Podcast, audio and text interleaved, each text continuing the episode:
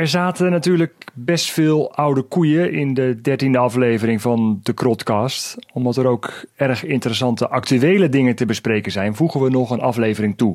Stef Clement kon bij de opnames van aflevering 13 nog niet vrij uitspreken over dit onderwerp, maar nu zijn we een weekje verder en kan dat wel.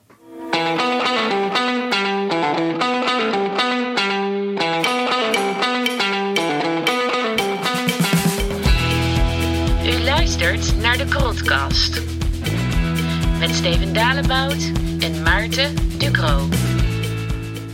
Ja, Stef, Stef Clement, er is een uh, beweging ontstaan in het wielrennen die de Internationale Rennersvakbond, de CPA heet dat, heet die, uh, die willen zij hervormen. Uh, jij hebt er ook een rol in. Wat is jouw rol daarin? ik ben eigenlijk degene die de handschoen toen heeft opgepakt. Toen een aantal van mijn oud-collega's zich zorgen begonnen te maken over wat dingen die speelden aangaande die CPA. Uh, je hebt eigenlijk vier grote partijen in het professionele wielrennen. Dat zijn uh, de organisatoren, die hebben zich verenigd. Je hebt uh, de ploegen, die hebben zich verenigd. Je hebt de UCI als toezichthouder en je hebt de renners. En die zijn verenigd binnen de CPA. En de CPA ehm, die, die doet mee aan de besluitvorming namens hen. Ehm, alleen de communicatie tussen de renners en de CPA liet volgens die renners uh, te wensen over. En of dat ik daar even in wilde duiken. Zo simpel was het eigenlijk in het begin. Ze voelden zich eigenlijk... jou die vraag? Wie stelde jou die vraag, uh, Stef? Die vraag werd mij uh, gesteld door een, een renner van mijn oude ploeg Jumbo-Visma. Oh. En die, die sprak namens een aantal jongens van zijn ploeg. En die dachten, die Stef is nu toch niks te doen nu de pleuris is uitgebroken met de coronacrisis. En ik deed dat vroeger uh, uh, voor de ploeg. Ook al uh, namens de renners, de rennersvertegenwoordiging aanschrijven of aanspreken. Dus dat was eigenlijk bijna logisch. Uh, voor hun om dat aan mij te vragen, zo leek het. En wat, wat, wat, wat gebeurde er dan? Wat was dan uh, voor de renners de druppel waarvan zij dachten: ja, nu, nu moet er toch al even een keer wat gebeuren? Nou, er verscheen ergens op, uh, op internet een artikel van The Secret Pro. en die schreef dat er een 1 miljoen euro door de UCI zou zijn gehaald uit een fonds, wat eigenlijk bedoeld is voor renners en ploegen. En dat 1 miljoen euro zou dan worden gebruikt om juridische kosten te dekken tegenover, uh, uh, in dit geval, Velom. Ja. Uh, en ehm, nou ja, goed, je kunt je voorstellen dat als er zo'n groot bedrag wordt gezet of teruggezet eigenlijk naar de, naar de UC uh, dat daar die renners uh, van schrikken. Want uh, er was net een crisis uitgebroken en heel veel ploegen leken het moeilijk te krijgen. en dat fonds is nou net bedoeld voor ploegen en renners in momenten van crisis. En zij waren daar niet in gekend. Hadden ze in ieder geval het idee. Ze hadden het gevoel, wij zijn hier niet in gehoord. Ehm, en dat, dat kan toch niet de bedoeling zijn. Dat was eigenlijk de druppel. En de algemene zorg uh, was eigenlijk, uh, als je daar dan met z'n over uh, in gesprek gaat, dat omdat met name de Nederlandse renners niet langer vertegenwoordigd worden door een nationale afvaardiging binnen die CPA, zij daar eigenlijk geen inspraak hebben. Ja, het is heel simpel bij de CPA. Je hebt eigenlijk zes landen die met een nationale afvaardiging lid zijn en daarmee vertegenwoordigd worden door één persoon. En alle andere landen uh, of alle andere renners, die moeten zich uh, individueel uh, melden als ze vragen hebben of als ze willen stemmen in de algemene ledenvergadering. Um, en, en, ja, dat... Wat concreet betekent dat bijvoorbeeld dat renners zich dan tijdens, een, tijdens het WK, want die ledenvergadering is al tijdens het WK, hoe zit dat precies, dat ze, dat, dat ze dan beschikbaar moeten zijn? Nou, die algemene ledenvergadering is de afgelopen jaren, uh, eigenlijk tot 2018, is die een aantal keer tijdens de wereldkampioenschappen en ook op die locatie gehouden. En je begrijpt dat het voor zes afgevaardigden van, uh, van landen best wel te doen is om naar bijvoorbeeld Innsbruck te vliegen. Uh, maar voor individuele renners die niet aan het WK deelnemen, is het nogal een opgave om met één stem op zak naar zijn algemene ledenvergadering te gaan. Ook wetende dat bijvoorbeeld de afgewaardigde van Frankrijk namens 120 man mag stemmen. Die heeft een mandaat voor 120 stemmen. Uh, dus, dus het lijkt ook zinloos om daar in je eentje naartoe te gaan. Ja, Maarten, ze, Maarten, ze voelden zich als. als uh, ja, uh, ze, voelden, ze voelden zich ondervertegenwoordigd. Ja, wat, wat er gebeurt. Ik, ik, ik hoor, dit is toch fantastisch. Dit past ook helemaal in de lijn waar we het over hadden in onze laatste meeting, waarin we het wel oneens waren over een aantal dingen. Maar dat je een ontwikkeling ziet in het wielrennen waarin de transparantie toeneemt en waarin die renners een stem horen te hebben. En die voelen zich niet gehoord. En die zeggen, hey, nou basta, we willen gehoord worden. Nou ja, wat er nog, nog... willen ook consent krijgen. Nou, wat, er nog, wat daarbij kwam eigenlijk, maar dat, dat is dus wat uh, boven tafel komt als je erin duikt, is dat er in 2018 ja. uh, vanuit een, een, een, toch wel aanzienlijke groep renners voor de algemene ledenvergadering in Innsbruck uh, is gevraagd per brief aan de uh, toenmalige president Gianni Bugno om die vergadering uit te stellen. Ja. Omdat zij vonden het is nu tijd dat wij gewoon online kunnen stemmen, zodat iedereen ook de mogelijkheid heeft om te stemmen. Het is ook tijd om afscheid te nemen van uh, die uh, nationale vakbonden misschien. Dat willen wij inbrengen uh, ter stemming. Maar om iets in te mogen brengen in stemming moet je 30 dagen van tevoren dat hebben gemeld. En wij zijn helemaal niet 30 dagen van tevoren op de hoogte gebracht van deze geplande vergadering. Nou, dat mooi document, daar stonden uh, een 20, 25 tal renners onder. Uh, die dat uh, met alle respect vroegen aan de president. En daar is niks mee gedaan. Nee, die zijn genegeerd, dat weet ik. Die zijn genegeerd. die stemming ging ook over het presidentschap van diezelfde Gianni Bugno.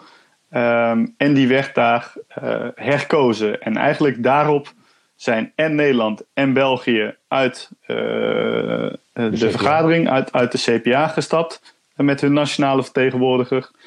En sindsdien is er eigenlijk niks gebeurd. Er is geen algemene ledenvergadering 2019 gehouden. Uh, dat is al opmerkelijk, want dat is gewoon verplicht. Um, dan komt er tijdens het proces van erin duiken en mensen bij elkaar zoeken die toen ook elkaar hadden gevonden. En dan moet je denken aan met name de Engelstaligen, uh, die het afgelopen decennium eigenlijk het wielrennen op de, eh, de, acteurs die het hebben bepaald eigenlijk, hè, Australische renners, de Britse renners, uh, samen met de Nederlanders, de Duitsers, de Belgen, de Scandinaviërs, die hebben we bij elkaar gevonden. En dan gebeurt er nog iets opmerkelijks, dan worden de pensioenen, om het simpel te zeggen, de pensioen wat je opbouwt tijdens je carrière, dat uh, mag je aanvragen uh, in de drie maanden na jouw laatste uh, profjaar. En die moeten dan uitgekeerd worden. En die werden in één keer ook maar voor 25% uitgekeerd. Is dat, dat is wat, wat nu speelt dit jaar, of is dat al langer zo? Nou, nee, dat, nee. Dus ik ben gestopt in 2018. Ja? Ik heb dat dus voor 1 maart 2019 aangevraagd. En ik heb dat gekregen. Jij hebt het wel 25%. Nee, ik heb gewoon het hele bedrag gekregen. Dus, je, dus uh, er gaat, elk jaar gaat er van uh, de totale prijzenpot in het professionele wielrennen, dat mag je schatten op 12 miljoen euro, gaat er 5% direct van de organisatie naar de CPA uh, als zijnde een transitiefonds. Een soort pensioenpotje. Pensioenpotje. Nou, simpele rekensom leert dat dat ongeveer 600.000 euro dus is wat er binnenkomt. Um, elk jaar. Dat is dus een vast bedrag wat er binnenkomt. Maar als jij meer renners hebt dan, uh, dan 50 die dat aanvragen, dan ga je dus in de min. Dat is mhm. simpel, hè? want je krijgt 12.000 euro krijg je, uh, krijg je mee. Dat is een belofte. 50 keer 12 is 6 ton. En ongeveer de gemiddelde vraag is, uh, is iets tussen de 55 en 60. Dus ging al in de min elk jaar, maar keerde dat toch uit. En nu kwam er een brief dat er uh, door de COVID-pandemie um, eigenlijk uh, was besloten om minder uit te keren.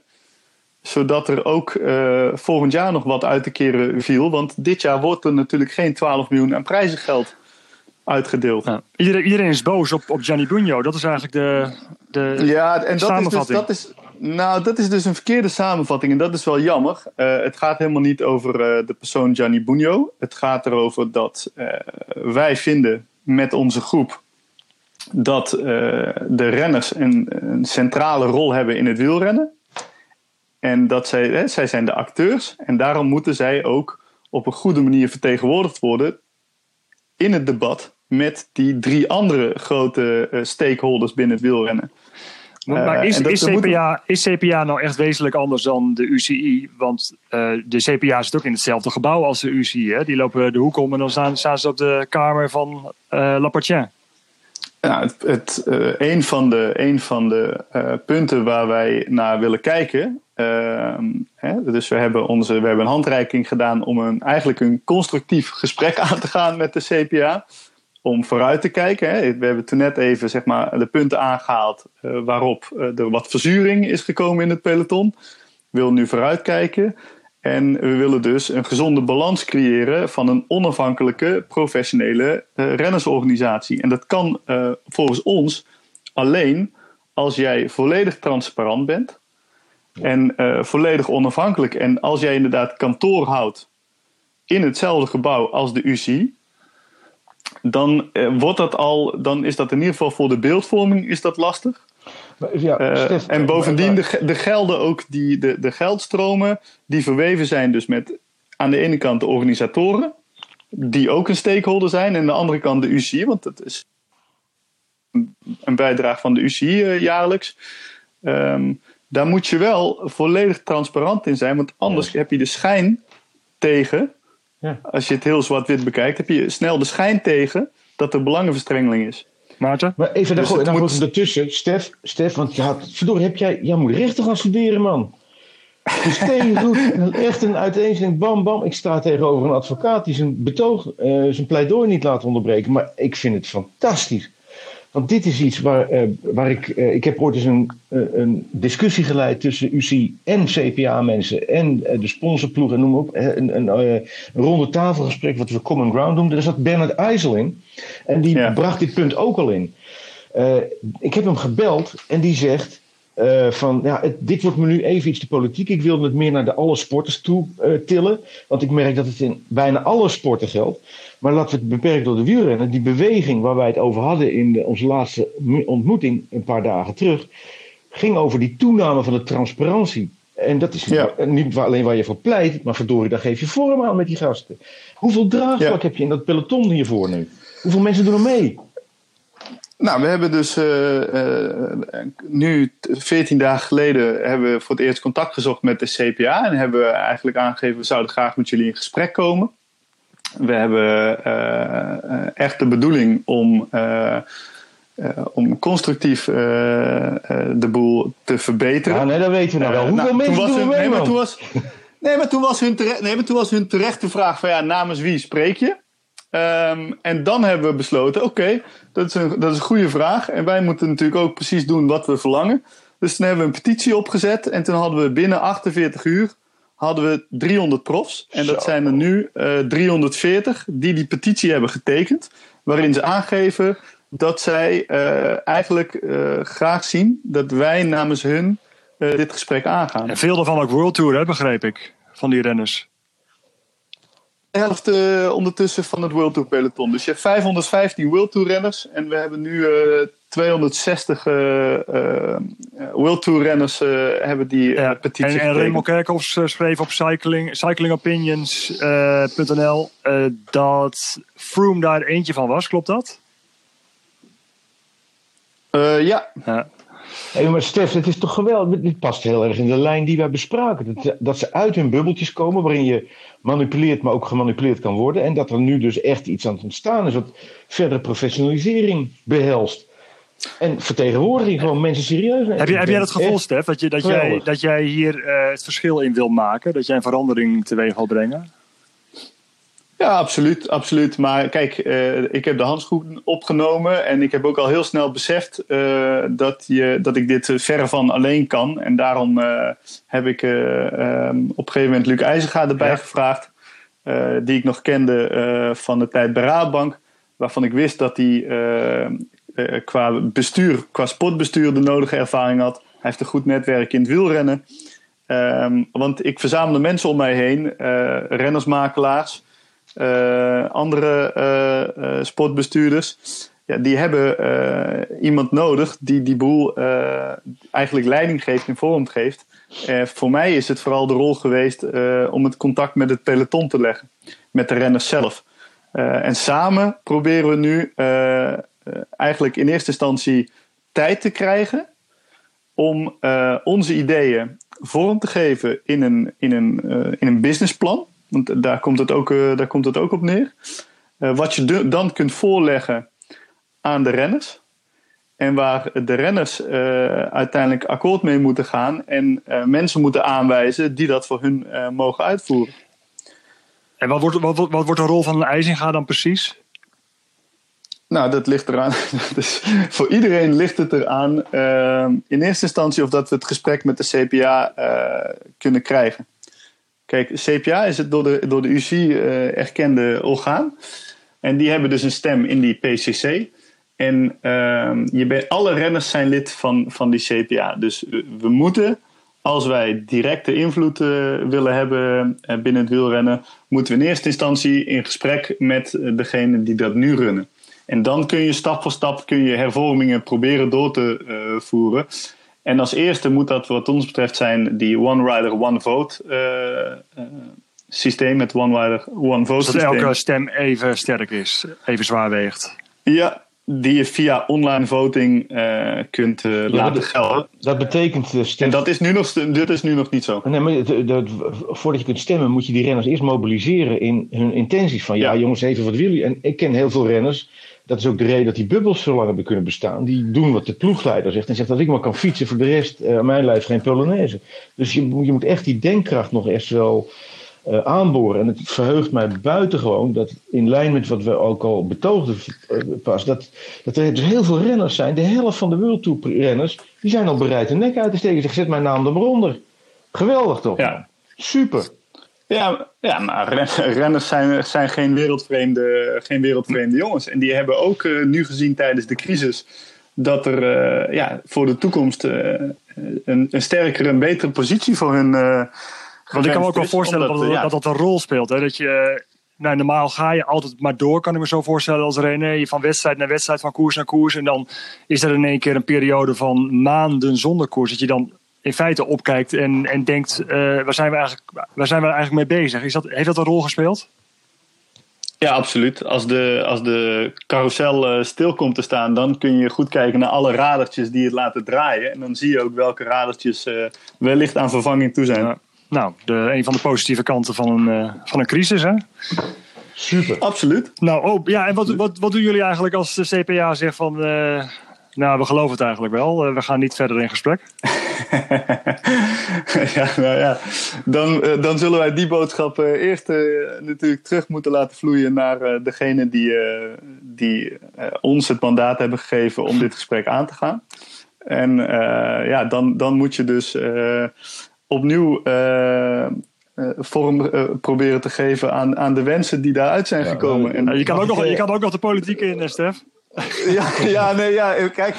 Ik, ik vind hem meer een jurist, uh, Steven. Ja, een van die twee. nee, het, het heeft gewoon niet zoveel zin om nu allerlei ah, nee, uit te gaan slaan. dus het, het is gewoon belangrijk dat, wij, dat wij eerst dat gesprek aangaan. En dat we proberen er gewoon via binnendoor uh, iets beters van te maken. En ik kan me eigenlijk niet voorstellen dat als je inderdaad uh, met meer dan de helft van het World Tour peloton uh, achter je iets vraagt, dat er niet naar je geluisterd Ik ben hartstikke benieuwd. Mannen, bedankt. Ja, super dit. Graag gedaan. En, en tot aflevering 14 van de Krotkast. Maarten de Croo en Stef Clement, dankjewel.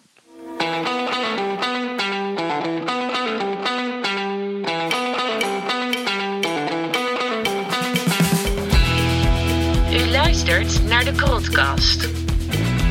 Met Steven Dalebout en Maarten Ducro.